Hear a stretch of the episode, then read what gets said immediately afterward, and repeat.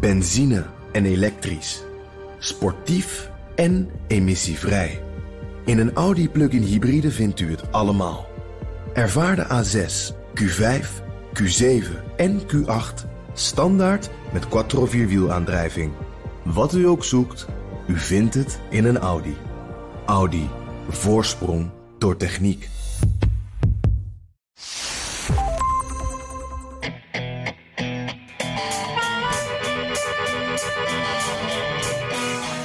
Een week en dan bepaalt het kiescollege officieel wie de Amerikaanse verkiezingen heeft gewonnen. Donald Trump zei onlangs dat hij zich dan daarbij zou neerleggen, maar in een toespraak in Georgia zei hij iets heel anders. And I have to say, if I lost, I'd be a very gracious loser. If I lost, I would say I lost. And I'd go to Florida and I'd take it easy and I'd go around and I'd say I did a good job. But you can't ever accept when they steal and rig and rob. En het is echt niet alleen Trump. Van de 249 republikeinen in het Huis van Afgevaardigden erkennen maar 25 de overwinning van Joe Biden. Dit is aflevering 54 van de Amerika-podcast. Mijn naam is Bernard Hammelburg vanuit de podcaststudio. Jan Postma is er deze week niet en dus praat ik met zijn vaste vervanger. Ja, en dat ben ik, David Hammelburg. Uh, met een lekker bak koffie vanuit Studio Hammelburg in New York. Ja, en als Donald Trump met zijn eigen kinderen werkt, uh, wat zijn dan wij dan toch minder Precies, toch? En bovendien, bovendien zijn wij nog welkom in New York. En kan niet hetzelfde zeggen voor de familie Trump als ze ooit hier terugkomen. Nee. Goed, maar we zeggen dit is de Nepotisme Show. Dat is een primeur. En we hebben nog een primeur, namelijk een heuse sponsor. Deze aflevering wordt mede mogelijk gemaakt door de UvA, de Universiteit van Amsterdam. Want die maakt ook een podcastserie, De Kwestie. De Amsterdam Business School legt daarin verband tussen wetenschappelijke kennis en actuele bedrijfskundige vraagstukken. Denk bijvoorbeeld aan de rol van toezichthouders in crisistijd, de sociale verantwoordelijkheid van bedrijven en de invloed van thuiswerken op productiviteit en creativiteit. Of hoe je marketing inzet om mensen juist minder te laten kopen. Host Sander Denneman gaat wekelijks in gesprek met een wetenschapper en een deskundige uit het bedrijfsleven over een specifiek vraagstuk. Luister de kwestie via BNR of je favoriete podcast-app. Maar nu eerst terug naar de Amerika-podcast. Ja, jij reist af en toe voor BNR, maar natuurlijk vooral voor je bazen bij de ARD, de Duitse uh, publieke televisie, voortdurend rond. Wat, zijn, wat heb je de laatste dagen allemaal gezien? Ik was gisteren in Bushwick, Brooklyn. Dat noemen wij gewoon Boswijk, want daar komt de naam vandaan.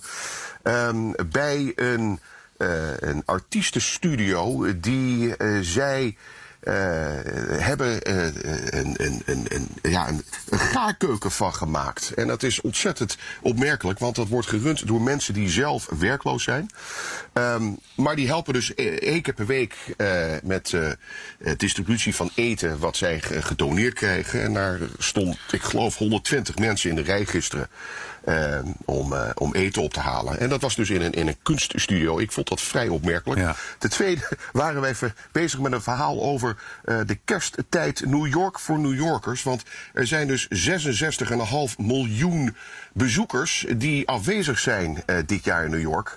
Dus deze stad is uitsluitend New York voor New Yorkers. Dat is wel opmerkelijk. Uh, zo waren wij gisteren in Rockefeller Center. En daar was, uh, sprak een vrouw die zegt... ja, ik, ik mag het eigenlijk niet hardop zeggen, maar ik doe het toch.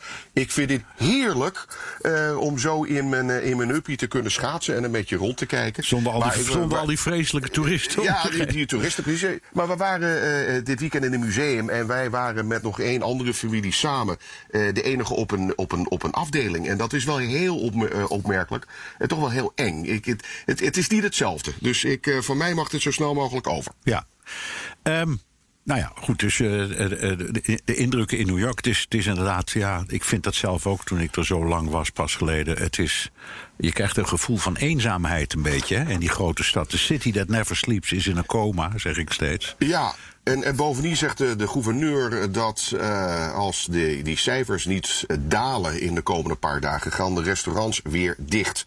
Uh, dus het is wel heel, ja, het, het, het, is, het is sneu wat we hier allemaal meemaken. Ja, ja. Uh, maar even iets dat niets met corona te maken of de verkiezingen te maken heeft. Maar we nemen deze podcast op 8 december op. En uh, voor de Beatles-fans is dat dan precies 40 jaar na de moord op John Lennon. Uh, dat is hier vlak om de hoek voor de deur gebeurd in het beroemde Dakota-flatgebouw. Uh, dus ik ga vanmiddag zeker even kijken in Strawberry Fields. Dat is het gedenkparkje aan de overkant van de straat in Central Park. En ik zal daar ontzettend veel fans tegenkomen die de muziek spelen van de Beatles. als het echt leuk is, gaan we er ook even draaien.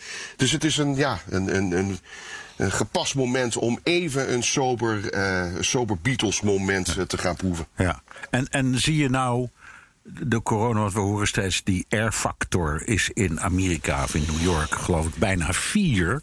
In Nederland ligt die net iets boven de één. Maar wat zie je ervan in, in de reportage ik, die je maakt? Ja, ik, ik, ik, dat hangt van het stadsdeel af. In Manhattan is het keurig onder de 2%. In Staten Island uh, is het boven de 8%. Maar waar wij veel komen is in, jawel, Corona Queens. Je, je kan zo gek niet verzinnen, maar dat ligt vlak bij LaGuardia Airport. En dat, daar komen we vaak omdat het een, een dorp van veel immigranten is. Uh, illegale ook natuurlijk. En daar um, is het nu 7%. Daar zijn in de zomer honderden doden gevallen. Maar ja, helemaal zeker doen we, weten we het niet. Want dat zijn dus veel illegalen die dus nergens geregistreerd zijn. Um, maar wij zijn er, ik geloof, nu vier, vijf keer geweest in, in de afgelopen, uh, afgelopen paar maanden. Want het is wel een dorp waar mensen uh, een beetje op zichzelf letten en hulp voor elkaar geven. Ja. Uh, met eten uitdelen en zo. Maar het, het is, ja, 7% is het daar weer. Ja. Oh, je hebt het over illegale. Krijgen die nou een generaal pardon? Wat, wat Bush en Obama hebben geprobeerd, maar dat wat door Trump is tegengehouden? Ja, Joe Biden zegt dat wel van plan te zijn, maar dat zal hij echt discreet moeten doen, uh, want hij krijgt het nooit door congres. En nou goed, over congres en Mitch McConnell, daar hebben we het straks nog wel even Oké, okay. laten we het dan uh, even uitvoerig hebben over de waarheid volgens Trump. Uh, we hebben uh, in deze podcast, deze Amerika-podcast, hebben we het steeds over de ene naar de andere verloren rechtszaak. En de ene naar de andere gouverneur die de klachten en de claims van Donald Trump negeert. Zelfs minister van Justitie Barr, uh, dat is echt een trouwe sidekick van Trump, die zegt nu dat er geen bewijs van fraude is. Maar Trump houdt steeds maar vol. Um, hij heeft in alle swing states gewonnen. De verkiezingen zijn gestolen. De Democraten hebben door intimidatie, vervalsing van stembiljetten, fraude met de post, het verdonkere manen van republikeinse stemmen. En ga zo maar door. Misschien, misschien wel de grootste misdaad uit de Amerikaanse geschiedenis gepleegd. Jij ziet heel veel en spreekt heel veel mensen. Zet de belangrijkste beschuldigingen nou eens op een rijtje. Nou ja, oké. Uh, hier, uh, doe de stoel hier maar vast. Hier komen ze. Uh, fraude met stemmen per post. ik neem je even terug naar de verkiezingsweek in Philadelphia. Um, waar ik dus was. En daar was dus een wet aangenomen um, van de staat. Um, dat alle stemmen die, of de, per post die na 3 november binnen zou komen, in een apart vakje zou zijn uh, gedaan, die zijn uiteindelijk wel geteld. Uh, en dat waren er in, in, in, in 7 miljoen stemmen, waren dat er uiteindelijk maar uh, een paar honderdduizend. Um, maar achteraf praten vond men dat allemaal illegaal. Dan is er nog fraude bij het stemmen in de stemlokalen. ook weer zo'n geval waar men van beschuldigd is dat die mensen in het geheim en het geniep koffertjes hebben gepakt met allemaal Biden stemmen om half vier ochtends. Uh, het schijnt allemaal niet helemaal waar te zijn, want dat waren gewoon extra stemmen uh, die ze uit een kelder hebben gehaald. Nou ja, fraude bij tellen. Uh, nog een voorbeeld. Um, Giuliani beschuldigt de, de tellers in Philadelphia. Um, dat uh, omdat de waarnemers niet dicht genoeg bij de teller stonden. Uh, dat was dus de enige van de 33 rechtszaken die ze dan ook hebben gewonnen. Uh, die mochten dan van 15 meter naar de, de corona 2 meter afstand gaan, gaan waarnemen. dus, zei Giuliani, die 682.000 stemmen die zijn geteld toen de waarnemers die dicht genoeg daar mochten blijven zitten. die moeten allemaal worden genegeerd. Die tellen mogen niet, mogen niet die, uh, dat mag niet, die, dat kan niet. En uh, die moeten we dus weggooien. 682.000 stemmen, want dat was dus allemaal fraude. Nou, intimidatie door democratische activisten. Die republikeinen voor de deur van het stemlokaal de stuipen op het lijf joegen. Um, en zoals Trump zegt, duizenden getuigenverklaringen van republikeinse kiezers die het helemaal aan den lijve hebben ondervonden. Um, daar komen we zo op terug. Duizenden stemmen uh, die zijn uitgebracht door mensen die zijn overleden. Uh, en kiesdistricten uh, waar meer stembiljetten waren dan kiezers. nou, ik zal even een stukje laten horen over hoe dat gaat. dit is een vrouw die naar, waarnemer was voor de Republikeinen. en een getuigenverklaring heeft getekend over de fraude die zij zag in Michigan. ze zit hier in een zogenaamde hoorzitting van het staatsparlement van Michigan. Luister maar even. the the poll book the poll book is completely off, completely off. Off that thirty thousand. I'd say that poll book is off by over a hundred thousand. That poll book. Why don't you look at the registered voters on there? How many registered voters are on there? Did you do you even know the answer to that? No, I guess I'm trying to get to the bottom zero. of this here. Zero. There's zero. So, my question then is if the guess how many wait what about what about how what what, what about the turnout rate 120 percent let's uh, let's let representative johnson ask his placid question so, so the poll book number okay, there, there's two things that could happen here. Either the poll book number if ballots were counted multiple, multiple times there, there's two options. Option number one is that the poll book numbers are not going to match. They the, don't. the actual not by thousands and thousands of votes. That's not what we see right now. You that, take a look again. Take a look again. Option number two is that they essentially were were filling in names of people who didn't vote. That, Dead people too. So is that? Let's I guess, let is that Representative Johnson ask his question, and then when I he's thought that done, was his answer. Okay. Well, I guess that, Uh, that's well- my my question here is why we're not seeing the poll book off by thirty thousand votes. That that's not the what case. did you guys do? Take it and uh, do something crazy to it? I'm just saying the numbers are not off by thirty thousand votes. So I know what are you I saying saw. that they're filling in? I know what I saw, and I signed something saying that if I'm wrong, I can go to prison. Okay. Did you? okay, we're. I I think am just trying I to ask you a let me. Uh, legitimate question here. yeah, let's let Representative Johnson ask his question, and then don't interrupt him, and then Okay. and then if you want to respond to it, that's fine. And uh, did you have more, Representative? Yeah, I guess I just want to keep following back up with the poll book. So are we saying that the poll book is either wildly off or that they are that they are Wildly filling off. in names? It's wildly off, and dead people voted, and uh, i- illegals voted. Okay. So that's Ja, eh, je hoort hoe ze het aanpakt. Dit was strij- eigenlijk een, eh, de afgelopen zaterdag een skit eh, op Saturday Night Live, om je maar een idee te geven. Maar zij gaat eh, eh, een beetje tekeer eigenlijk eh, net als Trump tijdens het eerste debat met Biden. eh, dwars overal doorheen schreeuwen. Eh, dus het ondervragende congreslid, notabene een republikein, staat echt voor aap. Ehm, ik heb dat zelf ook een, eh, een beetje meegemaakt, ook weer terug in eh, Philadelphia. Eh, Trump, eh, campagnebaas eh Corn Lewandowski, eh, die was daar een aantal dagen. En die, die kwam op een bepaald moment met een, met een papiertje tevoorschijn tijdens een persconferentie. En die begon me toch een stelletje te schreeuwen. Dat jullie pers het allemaal fout had. En op dat papiertje stond het bevel van de rechter dat die waarnemers waar ik het eerder over had, dus nu dichter bij de hekken mocht staan. Ehm, en die schreeuwde en schreeuwde over fraude. Nou ja, we hebben allemaal natuurlijk Giuliani meegemaakt in de afgelopen paar weken. waar zij, die dame dus trouwens naast zat tijdens deze hoorzitting. Dus je hebt, nou ja, je hebt een beetje het gevoel dat hoe, hoe harder ze schreeuwen, hoe meer gelijk ze horen te krijgen. Daar lijkt het een beetje Maar die, deze Melissa Corona, want zo heet ze, die vrouw die dat in Michigan allemaal heeft geroepen, die zegt in, in, in ehm, haar verklaringen: Ik heb een getuigenverklaring afgelegd en die heb ik getekend. Dus als ik lieg, ga ik de gevangenis in. dat is toch ook zo? Nee, dat, dat hoeft helemaal niet. Een getuigenverklaring kan door een rechter worden toegelaten, maar ook worden afgewezen uh, als juridische onzin en de prullenband ingaan. Uh, dus als Trump roept, we hebben duizenden verklaringen, uh, betekent dat niet dat ze overweldigend bewijs hebben. vandaar dat bijna alle rechtszaken ook stranden. Oké, maar dan, dan de serieuze kant. Want hiervan kun je zeggen, dit is, nou ja dit is bijna cabaret. En er wordt ook, dat zei je in Saturday Night Live, cabaret van gemaakt. Maar je hebt dan ook de serieuze kant. Uh, het onderzoek van de Washington Post. Van de 249 republikeinen in het Huis van Afgevaardigden zeggen maar 25 de overwinning van Biden te erkennen. Ja, het zijn er inmiddels 27 trouwens, maar dat zegt inderdaad een hoop. Uh, ik denk uh, dat het meer strategie is dan geloof. Kijk, uh, de Republikeinen moeten een beetje manoeuvreren. want ze weten dat meer dan 73 miljoen Amerikanen op Trump hebben gestemd.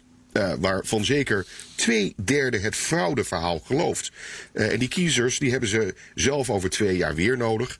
Dus of ze echt denken dat de waarheid volgens Trump uh, ook echt waarheid is, dat betwijfel ik. En, en ja, we blijven in een politiek wereldje leven.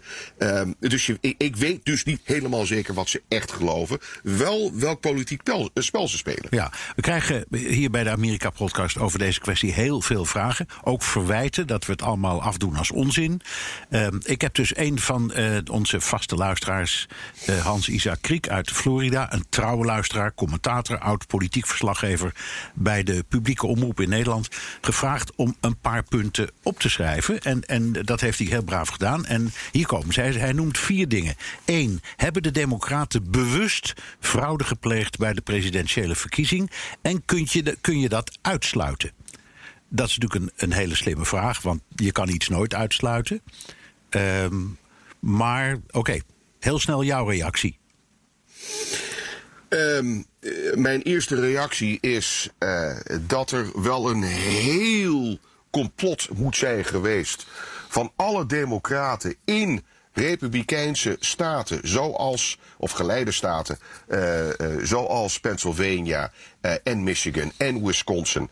Ehm, ik, ik, ik hoe kan ik het simpel zeggen? Zo slim zijn ze niet. Nou, dus ik, ik, ik, ik, ik, ik, ik, zie dat gewoon niet gebeuren. Maar ja, de mensen die, die niet tegen hun verlies kunnen. Uh, zoals Trump, die, die kunnen alles beweren. Dus waarom niet dit? Nou ja, Hans Isaac stuurt een hele lijst met allemaal heel, heel specifiek over Nevada, Pennsylvania, Arizona, waar allemaal tienduizenden stemmen verkeerd zijn geteld, bij de verkeerde uh, terecht zijn gekomen. Hij zegt: is er niet voldoende bewijs om aan te tonen dat er echt fraude is? Mijn gevoel zegt, en ook mijn reactie is, dat al die bewijzen uh, leuk en aardig zijn, maar er is niks concreet. Uh, we hebben nu 33 zaken gehad waarvan Trump er één heeft gewonnen. En dat ging weer over die waarnemers. De rechters in al die staten hebben heel duidelijk aangetoond uh, dat er 0,0 bewijs is. Dat, uh, sterker nog, uh, er was een reprimande uit, uit Pennsylvania tegenover Giuliani. die zei letterlijk: hoe haal je het in je hoofd om dit allemaal tevoorschijn te halen? Je komt met nul bewijs. Hoe moet ik dit nu aannemen? En betekent dat dat ik nu alle 7 miljoen stemmen ongedaan moet maken? Uh, dat kan toch niet? Je komt met geen enkel solide stuk bewijs waar wij iets mee kunnen. Nee. Dus ja, het is heel jammer. Ja, en dan stelt Hans uh, Isaac best een aardige vraag. Hoe groot is de kans dat de kiesmannen Trump alsnog aanwijzen als winnaar?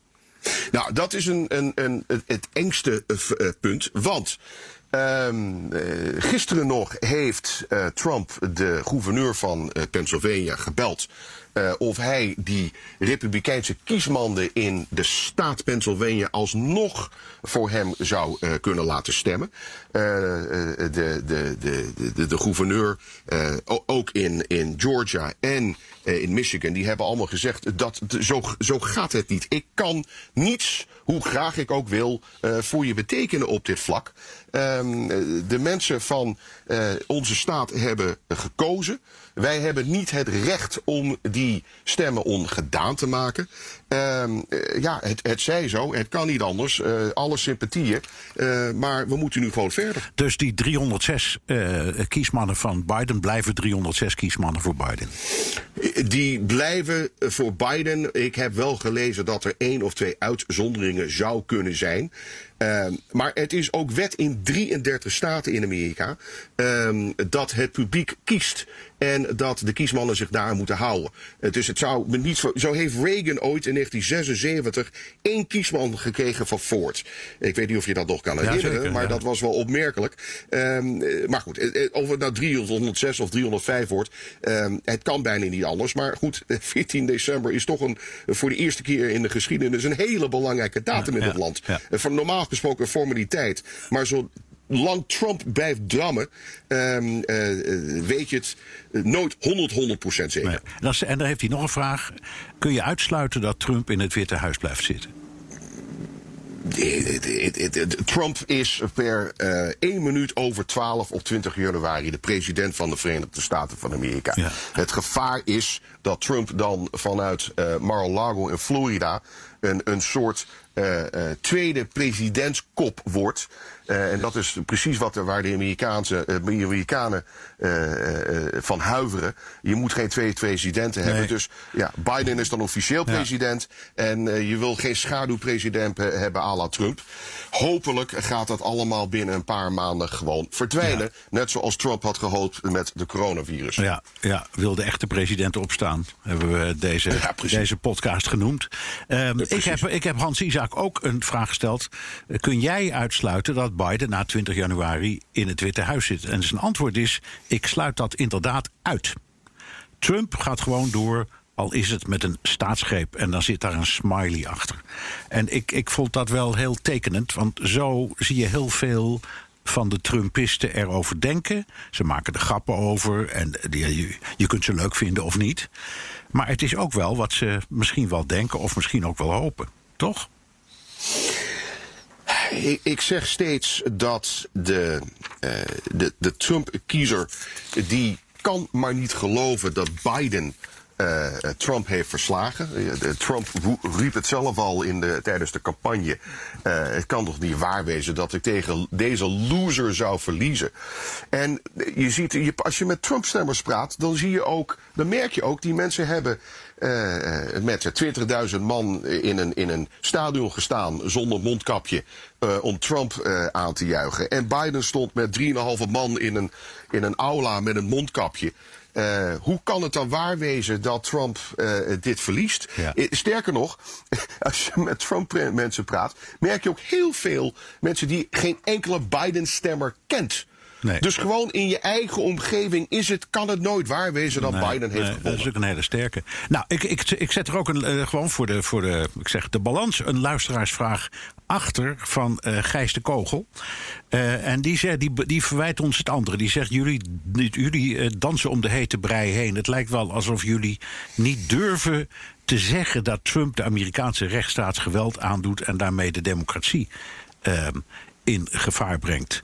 En waarom zijn we nou zo voorzichtig met ons uh, commentaar? Uh, en het lijkt wel alsof kritiek op handelen van Trump... dat dat het bekennen van een politieke kleur is. Nou, ik, ik reageer zelf even Eerst omdat normaal Jan Postma en ik over dit onderwerp vaak praten. En daarna mag jij even. Mijn, mijn eigen antwoord is: het is nu precies de essentie waarom wij in deze podcast bijvoorbeeld zoveel aandacht besteden aan die argumentatie van de Trumpisten. precies wat jij zegt. Als je met ze praat, ze kennen niet eens iemand die op Biden heeft gestemd. Dus wij gunnen en de, de, die groep ook eh, de ruimte om hun grieven te laten horen. En we behandelen ze serieus, net als de andere kant. En uh, ik vind eerlijk gezegd dat als wij zeggen: dit is wat de Trumpisten zeggen, dat we dan niet. Uh, uh, dat we dan niet voorzichtig zijn. Integendeel, dat, ik vind dat we dan gewoon journalistiek ons werk doen. En jij? Ja, ja, nee, ik, ik, deel dat met je. Ik, ten eerste, als iemand iets roept, is het je taak als journalist om proberen te vinden of dat dan waar is. Ik, ik, ik denk dat met de Trump-kamp, ik noem het net een bord spaghetti dat je tegen de muur gooit. Um, en kijken welke draadjes blijven hangen. Nou, daar gaan we dan lekker op in. als journalist uh, en dat is wat de Trumpisten ook heel goed doen. Die bekogelen je links en rechts met allerlei verwijten um, en, en, en beschuldigingen. En als journalist ga je daar braaf achteraan. Zit er wel wat achter. Um, en op een bepaald moment kom je tot de conclusie uh, dat het helemaal niet waar is en dat het niet feitelijk is en dat het zelfs liegen is. En als je dat roept, um, dan word je mee beschuldigd van uh, fake news en mainstream media. Um, dus het, het, is ook een beetje de kwestie van wat, wat betekent een journalist nog in deze tijdperk van uh, nepnieuws en fraude en, en niet-waarheden. Het zijn, het zijn moeilijke tijden ja. uh, waar we wel weer overheen komen, maar het, het, het is een punt. En de democraten die doen precies hetzelfde. En waar ik de democraten altijd van beschuldig, uh, is dat zij eigenlijk alleen maar zeggen niet waar, niet waar, niet waar. Het is niet zo. Maar dat zij niet zelf uh, met een eigen standpunt komen. En een beetje de boodschap, meneer Trump, het is mooi geweest. Ja. Uh, genoeg met de leugens en over en uit. Ja, ja.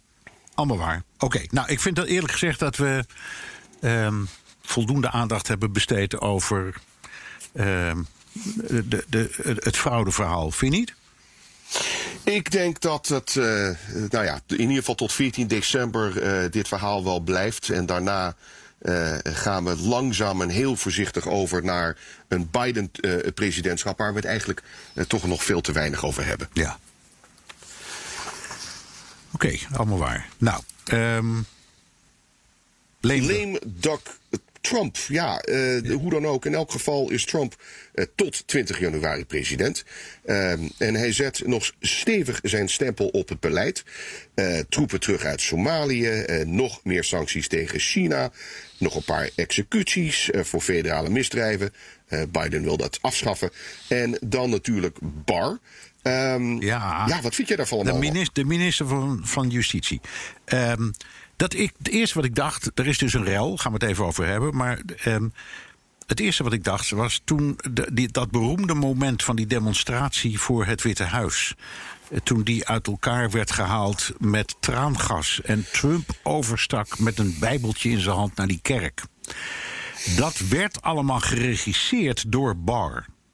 Die stond daar ook met zijn neus bij en die gaf de bevelen aan de aan de politie of aan de militairen die dat deden. Dus trouwer kun je het bijna niet denken als medewerker hè, vanuit Trump. Niettemin heeft Barr het nu te bar gemaakt. Want wat heeft hij gedaan? Hij heeft eerst eh, als minister van Justitie eh, met al die fraudeverhalen tegen zijn aanklagers gezegd: gaat uitzoeken. Uh, waar de Democraten woest over hadden, waren. Want die zeiden: ja, daar hoort de minister zich niet mee te bemoeien. Als er iets is, dan moet de rechter dat doen. Maar goed. En, en nu draait hij uh, uh, het eigenlijk om. en zegt hij: ja, we hebben het allemaal onderzocht, maar ik zie niks bijzonders. En nou schreven de Republikeinen moord en brand. Dus Trump wil van hem af. Ja, en de New York Times schrijft dat hij ontslag wil nemen voordat Trump hem eruit gooit. Zie je dat gebeuren? Ja, ik zie het gebeuren. Ik denk dat hij denkt, uh, laat ik, ik hou de eer aan mezelf. Ik heb mijn best gedaan. En ook uh, omdat hij kijkt naar de Republikeinse Partij. Het zou mij ook niet verbazen als hij denkt, misschien doe ik nog wel eens een gooi naar de kandidatuur. En dan Oeh, moet ik laten zien. Niet, niet aan gedacht. Ja, dat ja, is een goeie. Dan moet ik ja. laten zien dat ik zo trouw ben als een hond. Maar dat als het klaar is, is het klaar. Dus dan stap ik er op tijd uit en dan blijf ik mijn eigen man. Ik denk eerlijk gezegd dat dat door zijn hoofd speelt. Ja. Oké. Um, Biden, ja. Die man, die, uh, je hoort niet zo heel veel van hem. Hoewel, nu toch meer. Hè? Hij is uh, uh, bezig nog steeds met zijn kabinetsformatie en medewerkers die hij zoekt. hij geeft, had voor het eerst met Kamala Harris samen een interview aan CNN. Um, Hij heeft ook met eh, Thomas Friedman van de New York Times eh, gepraat. Ik was er allemaal niet kapot van. Nou, dat interview met Freeman, dat, dat vond ik wel heel knap. Daar eh, moeten we misschien zo nog meteen nog even over praten. Ja, ja, ja, ja. Nou goed, maar in afval dat CNN-interview daarvan was de kop in de hele wereld. De eerste honderd dagen van eh, de regering Biden moet iedereen een mondkapje op. Toen dacht ik, nou, nou, nou. Ja, ja, jongen, ja. jongen, jongen. Hoeveel Ja. briljante communicatiespecialisten hebben die boodschap bedacht? Ja, nou ja, in een land eh, waar de pandemie echt spectaculair groeit. Gisteren, eh, even om een voorbeeld te geven, 8000 nieuwe gevallen, jawel, per minuut. Eh, het zijn mijn eh, eh, cijfers hier op het ogenblik. Maar goed, het is geen foute boodschap, vind ik. Het was inderdaad geen sterk interview, maar dat hij de strijd tegen corona voorop blijft zetten, vind ik wel verstandig. Eh, maar ook wel een paar andere kwesties. Eh, hij wil snel de band met Europa repareren. Eh, maar verder laat hij China, het Midden-Oosten en allerlei defensiezaken voorlopig even in zijn mailbox zitten. Nog even één ding over dat Thomas Freeman interview, wat ik wel slim vond. Hij zei. Ik, Mitch McConnell en ik, de, de, de leider van het Senaat, zijn dik bevriend. En ik zal nooit ehm, eh, hem in, eh, in, in schaamte brengen voor, een, voor iets wat ik wil. Dat gaat in goed overleg. Eh, ik kan me niet voorstellen dat Mitch McConnell vier jaar lang niks gaat doen. wat hij met, met Obama heeft gedaan, bijvoorbeeld. Hoe, hoe zie jij dat? Ik bedoel, zie jij een, een, een, een manier van Biden die met de Republikeinen kan werken? Eh, iets wat hij zijn hele carrière, eh, carrière al heeft Nou, je moet, altijd, je moet altijd goed nadenken naar het eigen belang van al die senatoren en huisleden. Want die zijn altijd bezig met de volgende verkiezingen. Over twee jaar zijn er alweer verkiezingen. Het hele huis en een derde van de Senaat. Dus iemand als McConnell, die toch de belangrijkste figuur is in de Republikeinse Partij na de president, die moet voortdurend spitsroede lopen. Die moet aan de ene kant denken aan het in stand houden van zijn partij, maar aan de andere kant ook voldoende bescherming zoeken voor zijn eigen collega's. Om te zorgen dat ze de schijn van onafhankelijkheid ophouden.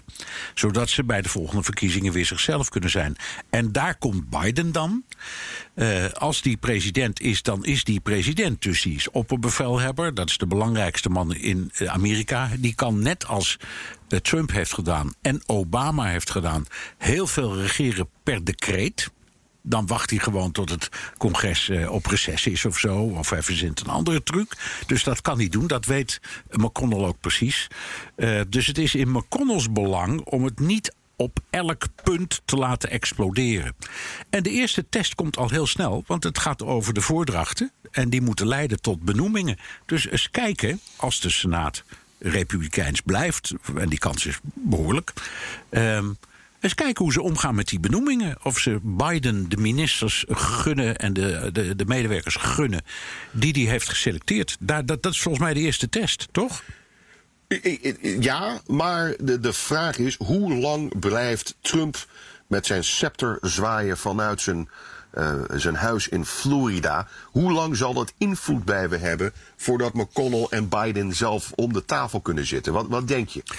Eh, nou, dat gaat nog wel een tijdje duren. Omdat, kijk, de, de, de, de tactiek zal zijn om te proberen om vier jaar lang te blijven zeggen. eh, die man die in het Witte Huis zit, die zit daar illegaal. Die heeft de verkiezingen gestolen en dat is Trump zijn frame. Eh, Ja. En nou ja, we hadden het erover. Inmiddels zijn er maar 27 van de 249 Republikeinse leden van het Huis van Afgevaardigden die de, die de, de, overwinning van Biden erkennen. Dus klaarblijkelijk durven ze op dit moment Trump nog niet af te vallen. En de vraag is of ze dat naarmate de za- zaak langer duurt eh, eh, wel durft. Ik denk dat dat het geval is. En bovendien, ik denk ook niet dat Trump vier jaar lang het geduld heeft om te blijven drammen. Die gaat ook door. Die blijft niet vier jaar lang campagne voeren. Zelfs als hij overweegt om in 2024 opnieuw een poging te doen, dan begint hij niet echt morgen met zijn campagne. Daar geloof ik niks van. Nee. Nee, en bovendien heeft hij niet meer het podium van het Witte Huis. En ook dat zal afleiden, denk ik. Ja. Uh, ik, ik denk, en dat, ik, je hebt gelijk, ik denk dat ook heel veel mensen uh, zeggen... ja, komt hij weer met een, uh, met een statement vanuit Mar-a-Lago in Florida? Ik geloof het nu wel. Maar ik, ik hou me hard vast, hoor. Want ik, ik, ik, ik zie wel een aantal republikeinen gewoon vier jaar lang boycotten... Uh, in de hoop dat, uh, dat Trump weer terugkomt. Maar goed, er zijn ook nog andere kandidaten. Uh, het wordt in ieder geval heel spannend in de komende paar maanden na januari. Ja. Goed, tijd voor luisteraarvragen. Ehm, normaal gesproken maakt Jan de postzak open. maar in dit geval lijkt het me toch wel aardig als jij dat even doet. Ja, oké. Okay. Nou, daar komen ze. We hebben er een heleboel. Ik weet niet of we het allemaal kunnen doen, maar we beginnen gewoon. Milan Peil. Uh, die luistert altijd op de fiets of in de auto. Um, welke verkiezingsuitslag geldt als het onder de rechter is? Een hertelling loopt bijvoorbeeld, of de einddatum in die staat wordt gehaald. Wat telt er dan? De originele uitslag of wat er tot op dat moment geteld is? Ja, het is een uitstekende vraag. Ja. En ik ga een, een, een heel makkelijk antwoord ge geven. Dat uh, bepaalt de staat en alle regels ja. zijn anders. Ja. Um, er is dus geen uniform uh, uh, achtige wet. Dat is gewoon, dat wordt per staat bepaald. Um, om je even een idee te geven over wat het allemaal zo lastig heeft gemaakt. Alleen maar op 3 november. Hè. In Florida bijvoorbeeld um, staat de wet dat alle stemmen voor middernacht moeten worden geteld. Dus alle stemmen die binnenkomen via de post worden meteen opengemaakt en meteen geteld. Ja, maar die komen ook van tevoren al binnen. Ja, ja precies. In Pennsylvania um, is het juist het omgekeerde. Daar komen alle uh, stemmen via de post. Die worden dan in een stapeltje gegooid. Die worden om 7 uur s ochtends op verkiezingsdag opengemaakt. En die worden pas om 8 uur s'avonds, als de, pij, als de, de stembus uh, dicht gaat, worden ze pas geteld. Dus ja, dan is het een lichte kunst dat het een week duurt voordat alle stemmen worden geteld. Ja, ja. Dus uh, ja, het hangt eraf, uh, het is per staat. Oké. Okay. Een vraag van drie regeltjes, maar steengoed. Roy Alofs in de auto tussen Nijmegen en Deventer, waar hij meestal rijdt. Um, hij gaat in op een uh, luisteraarsvraag dat Trump niet zonder uh, het congres de oorlog uh, kan verklaren aan bijvoorbeeld Iran. Dat zou ik gezegd hebben. Dat heb ik overigens niet gezegd hoor. Maar ik kan me voorstellen dat ik, ik heb gezegd. je kunt nooit buiten het congres om. Er bestaat trouwens een War Powers Resolution. Dus daar zit wel wat in. Ehm, maar goed, Trump schrijft, die kan best zijn special forces bijvoorbeeld de orde geven om doelen in Iran te gaan bestoken. En de vraag die hij stelt is: kan Biden daar nog wat van terugdraaien? Um, en, en de vraag of Trump eigenhandig op de valreep nog die verhouding met Iran extra slecht kan maken. Bijvoorbeeld door een oorlog te beginnen of op een andere manier. Ik, ik denk eerlijk gezegd dat op wat dat laatste betreft, dat hij dat wel degelijk kan. Ik denk dat hij dat ook kan. En sterker nog, eh, om eh, Biden te ondermijnen, eh, doet hij er nu alles aan uh, om het zo moeilijk mogelijk te maken uh, voor Bidens entree op 20 januari. Uh, dus of dat nou een oorlog be te beginnen is of meer tro troepen terugtrekken uit bijvoorbeeld Duitsland. Of, nou, hij, hij, ja. nou, hij, doet het, hij doet wat hij kan om het hem zo moeilijk mogelijk te maken. Maar de War Powers Act is aardig. Maar alle presidenten hebben het recht uh, uh, om een land binnen te vallen, zolang je het maar geen oorlog noemt. Nee. Als het een actie is met special forces, geen probleem. Nee. En de War Power zegt, zegt bovendien dat je, dat je 60 dagen de tijd hebt om, om uh, de zaak aan het congres voor te leggen. En, en, en dan is zo'n oorlog soms alweer over. Oké, okay. Martijn Wardenaar. Die, de interessante vraag over de termijn van de vicepresident. Normaaliter kan een president. Um, uh, maximaal twee keer worden gekozen. Maar stel de volgende situatie. Harris moet na drie jaar Biden opvolgen in het Witte Huis. Daarna, in 2024, wordt ze zelf als president gekozen. Zou ze dan opnieuw verkiesbaar kunnen zijn in 2028? Simpel antwoord is ja. En ja. de reden is, je mag maar twee keer worden gekozen.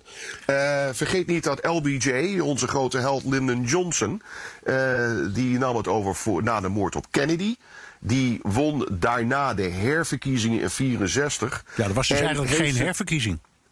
Nee, klopt. Dat was, nee, je hebt helemaal gelijk. Dat was de eerste, zijn eerste verkiezing. En heeft zelf afgezegd in 68. Uh, als Ja. hij zelf, zelf weer kandidaat had gesteld, ja, had hij gewoon gewonnen. En de- vergeet niet het, eh, eh, eh, het verhaal van Grover Cleveland. Weet jij dat nog? Jazeker, die was de 22e en de 24e president. Dus die heeft er eentje overgeslagen. Ja. Ja. die heeft dus gewonnen, verloren en gewonnen. Eh, dat is natuurlijk iets wat Trump ook probeert te doen in, eh, in de volgende, volgende verkiezingen. Ja, oké. En dan, eh, trouwens, ik denk ook aan Harry Truman, want die heeft hetzelfde gedaan als Johnson. Die heeft ook maar één keer ge- meegedaan aan de verkiezingen en daarna niet meer. Volgens mij zegt de grondwet dat iedereen inderdaad twee keer kan worden gekozen. Maar als een vice, dan moet- er is wel een termijn. Als de, dan moet zo'n vicepresident minstens twee jaar vicepresident zijn geweest. En dan mag die twee keer op. Zo staat het in de grondwet. Zo.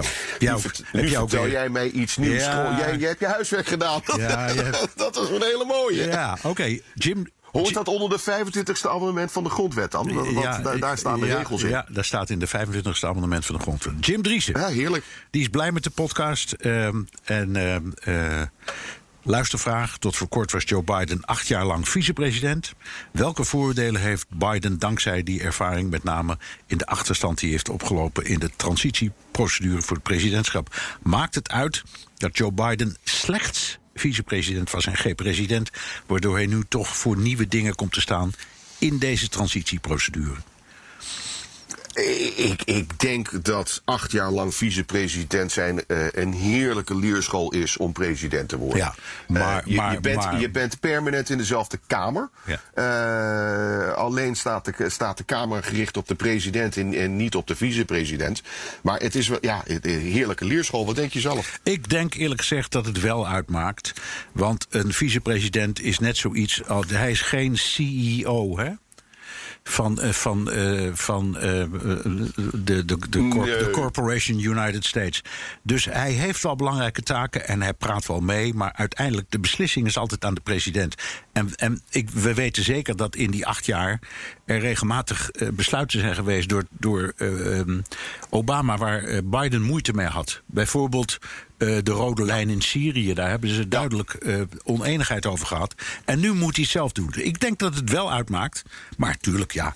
eh, hoeveel beter wil, kun je het leren dan acht jaar mee te kijken met iemand die het heeft gedaan? Helemaal waar. Oké. Ja, waar, maar niet elke vicepresident maakt dan, wordt dan een goede president. Nee, dat is. Dus geen. Nee, tegendeel. Als je naar het lijstje vicepresidenten kijkt, dan eh, die de uiteindelijk president zijn geworden. Nou, Handje vol. Dat, dat, dat, ja, precies. Ja. Hero Paul. Je ziet Biden optreden vanuit the Office of the President-elect. Ja, mooi Is het- woord is dat. Ja, dat is natuurlijk ook onzin, want, want grondwettelijk bestaat het helemaal niet. Het is ook, de, de- alle critici die zeggen een president-elect is geen president, dat, dat, moet, dat, dat blijkt pas na het, het kiescollege, maar oké. Als, nou, we hebben het er al eerder over gehad, maar als, als hij is even iets leuks. Als, als Trump nou iets inricht in Florida en dat noemt hij the Office of the Real President. En hij blijft dan stoken. Wat voor. Ja, wat, wat voor. Gaat, gijzelt hij daarmee dan de, de, de Republikeinen en daarmee ook het land? nou ja, ik, ik, ik denk dat het volk daar net zo naar kijkt als eh, Biden nu met zijn prachtige bordje eh, in Delaware. Natuurlijk betekent dat niks.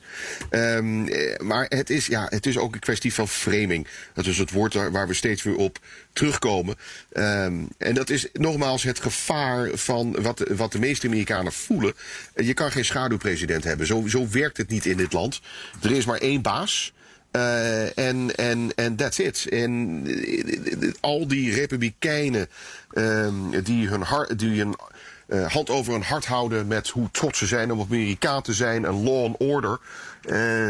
Ik, ik zie niet gebeuren dat die mensen blijven geloven in een onechte president vanuit zijn paleisje in Florida. Nee. Ehm, natuurlijk een, een, een, een, een deel wel, maar ik denk dat het meeste, eh, meeste Amerikanen die willen dit hoofdstuk wel overslaan. Ja, dat denk ik ook. Geef- ik, ik, op Michiel Dekkers, die geeft mij op mijn kop. Die zegt, ik eh, luister in de auto tijdens het uitvoeren van de huishoudelijke klussen. Heel goed, de afwas en de America podcast aan. Dat is een goede combinatie. Die zegt, in de aflevering 52 heb ik beweerd dat eh, op 9-11 slechts één gevechtsvliegtuig de lucht in gaat. En dat was een F-16. Dat was nog niet eens een echte, maar een trainingstoestel. En hij zegt, dat is niet juist. Hij stuurt een prachtige ehm, link mee waar je dat allemaal kunt zien. Eh, er was op zijn minst ook één Squadron F-15's. Wat het verhaal, vind ik, niet minder sterk maakt... dat op het moment dat het land werd aangevallen... er eigenlijk helemaal geen verdediging paraat was. Nee, dat is nee. En, dat, eh, en, en hoe lang heeft het geduurd voordat die vliegtuigen opstegen? Ja, heel lang. Heel lang. Ja. ja. Dus, eh, nou goed. Het was al, het, toen was het al gebeurd, toch? Ik bedoel, Ja, precies. Ja, je Ja. had het er net over. Een oorlog kan heel kort duren. Oké, John Molendijk. Ehm, wat ik, ik, ver- ik verbaas me over gestolen verkiezingen. Eh, we hebben, daar gaat deze eh, uitzending natuurlijk voor een belangrijk over. eh, die Trump en zijn companen opwerpt in- en het Calimero-gedrag wat daarin schuilt. Uiteindelijk is hij toch de president. En hij zei: Ik ga de swamp leegmaken, hè, het moeras. Hoe kan dat dan dat de verkiezingen zijn gestolen? Dat is wel een goede vraag hoor. Als hij dat allemaal zo goed voor elkaar had, hoe kan het dan dat, dat hij bij wijze van spreken toch op zijn rug ligt met zijn pootjes omhoog? Ja, nou ja, eh, ik denk dat eh, Trump en aanhang het idee hadden dat ze de swamp in Washington zouden opruimen. Wat ze daar eigenlijk mee bedoelden, eh, waren liberale, linkse mensen en democraten.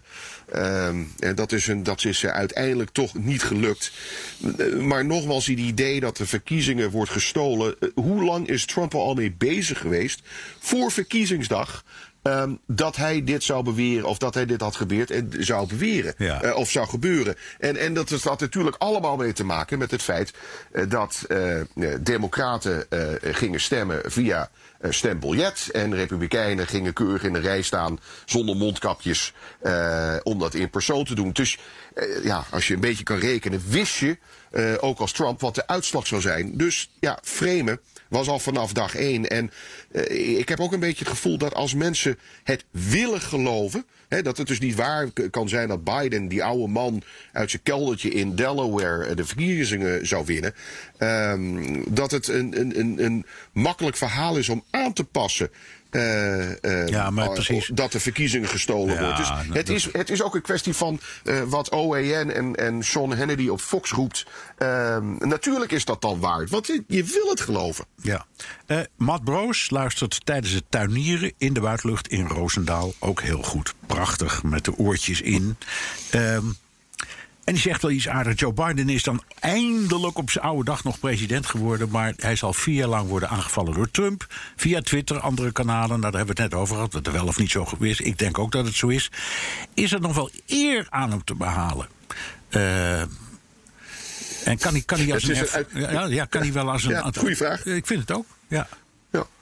Ehm, eh, als ik heel eerlijk ben, is mijn korte antwoord nee.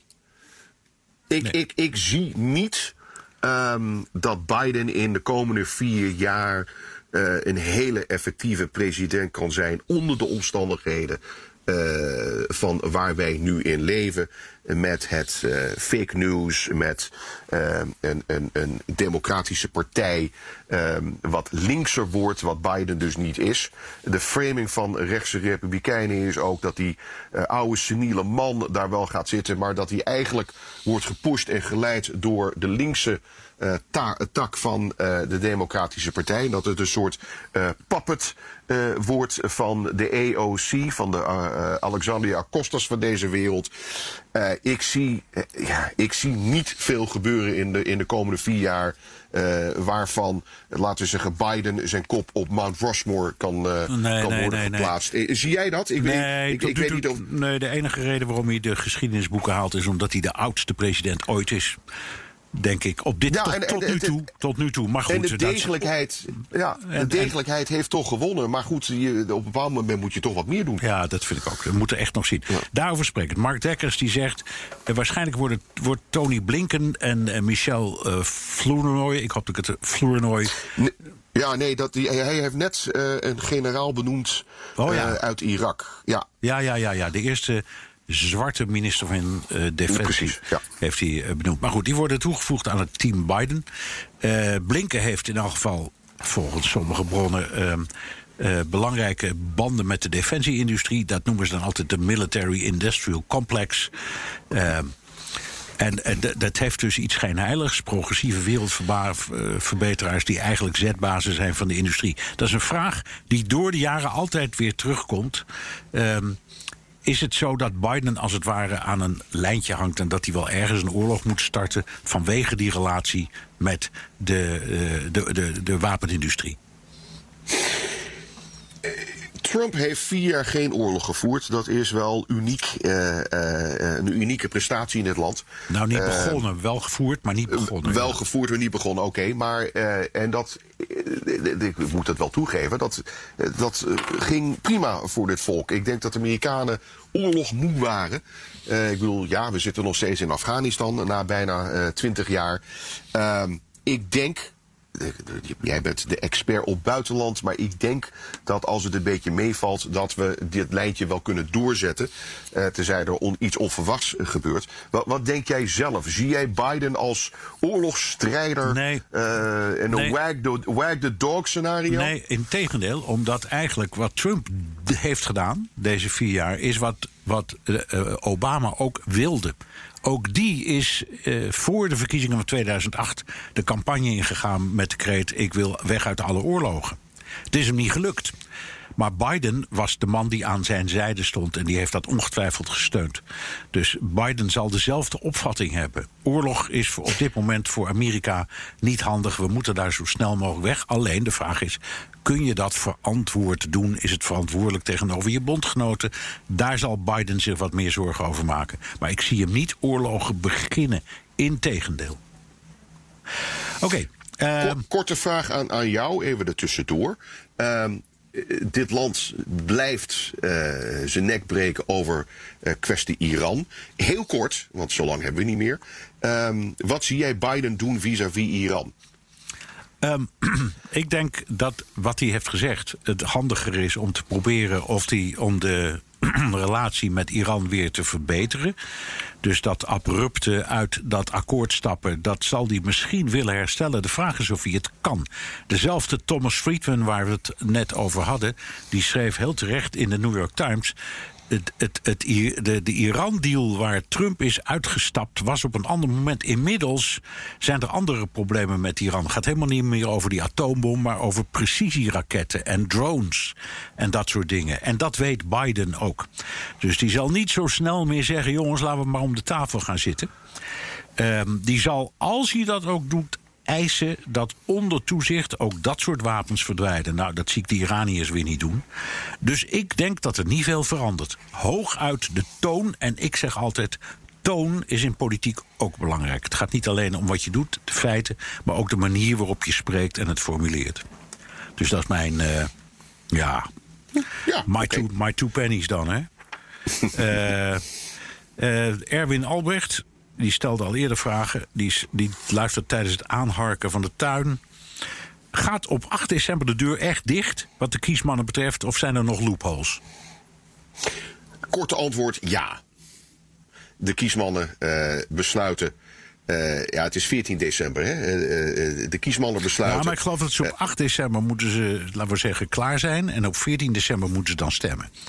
Maar Ja, en, op acht- 6 januari wordt het aangevaard door het congres. Ja. Eh, dus, dus, dus er zijn nog wel wat stapjes, maar ik zie, eh, eerlijk is eerlijk, ik zie niet veel veranderen. Ik zie wel prachtige politieke theater, eh, maar uiteindelijk is het, is het beslist. Ja, ja. Oké, nou dan eens even kijken. Ehm, ik, ik, ik doe er nog één van Werder Mijlsma. Meestal luister ik als ik onderweg ben naar mijn werk. Tegenwoordig als ik onderweg ben naar mijn schoonouders... met een treurig kijkende smiley. Ehm, de vraag is, hoe staan de Republikeinen tegenover een nieuw kandidaatschap van, eh, kandidatuur van Trump in 2024? Dat vind ik wel een goeie. Want ja, als hij dat doet, dan loopt hij natuurlijk een hoop andere mensen eh, in de weg. We praten vaak over Nikki Haley of Paul Ryan. Dat zijn toch mensen die echt in die partijen, jonge mensen die echt een kans zouden kunnen en moeten hebben. We hadden het al over Pompeo, over, over, over Barr die misschien wil, eh, misschien Pence. Dus hoe, hoe, sta jij er? Ik, het, klinkt allemaal wel heel stoer, eh, Trump eh, in 2024, maar hoe, hoe, hoe zou de partij dat vinden? Ik denk als je 73 miljoen stemmen kijkt in een verkiezingen. ehm, dan heb je wel wat uh, bewezen. Uh, ik zie Amerikanen die hebben een, een, een liefde voor mannen die sterk schreeuwen en sterk praten. Ik, ik noem het een beetje een John Wayne gedrag. Dat vinden ze prachtig. Tweede is dat je ziet dat een gros van Amerikanen een pest hekel hebben uh, aan linksdenkende mensen. Um, dus hoe meer je uh, dat Trump-achtige gedrag stookt, hoe uh, populairder je bent onder die partij. En ik zie niet 1, 2, 3 een Paul Ryan um, daar bovenuit komen. Ik denk dat je uh, wel degelijk rekening moet houden met een, met een, uh, een Trump-verkiezingen in, in 2024. Of, of Donald Jr. kan ook, of Ivanka. Um, meer dan een Paul Ryan. Tenminste, ja, de, de, zo ziet het er op, op 9 december uit. Uh, laten we dit, dit, dit, gesprek eens door voortzetten over een jaartje ja, of zo. Maar okay. ik, ik, ik, ik zie niet uh, een, een, een ander soort type dan Trump daar bovenuit komen. Okay. Jij? Nee, nee, ik ook niet. Nou goed, Werner Bijlsma was dat uit Jouren met zijn kleine moestuintje. Nou, dat was het dan, deze aflevering van de Amerika-podcast. Terugluisteren kan via de BNR-site, Apple Podcast en Spotify. Heb je vragen, opmerkingen, kritiek of complimenten? Dan kan het ook met een tweet naar Jan Postma USA of BNR De Wereld of heel ouderwets met een mailtje naar dewereld.bnr.nl. En hoe je naar ons luistert en waar, dank voor het luisteren. En tot de volgende week, dan is Bernard weg. Maar wees gerust, Jan is dan weer terug. Benzine en elektrisch. Sportief en emissievrij. In een Audi plug-in hybride vindt u het allemaal. Ervaar de A6, Q5, Q7 en Q8 standaard met quattro vierwielaandrijving. Wat u ook zoekt, u vindt het in een Audi. Audi. Voorsprong door techniek.